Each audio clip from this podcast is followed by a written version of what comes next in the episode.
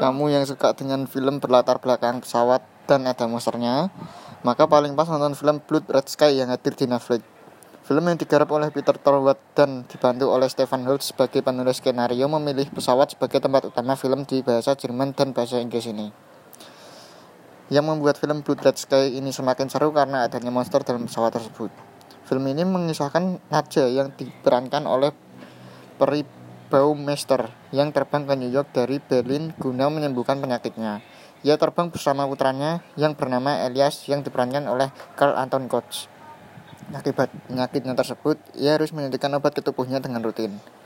Bahkan hal itu dilakukan sebelum saat lepas landas di toilet.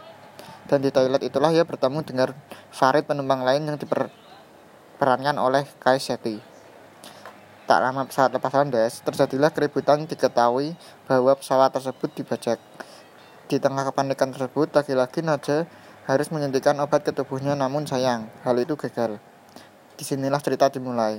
Kegagalan itu membuat wujud asli Naja jadi terungkap.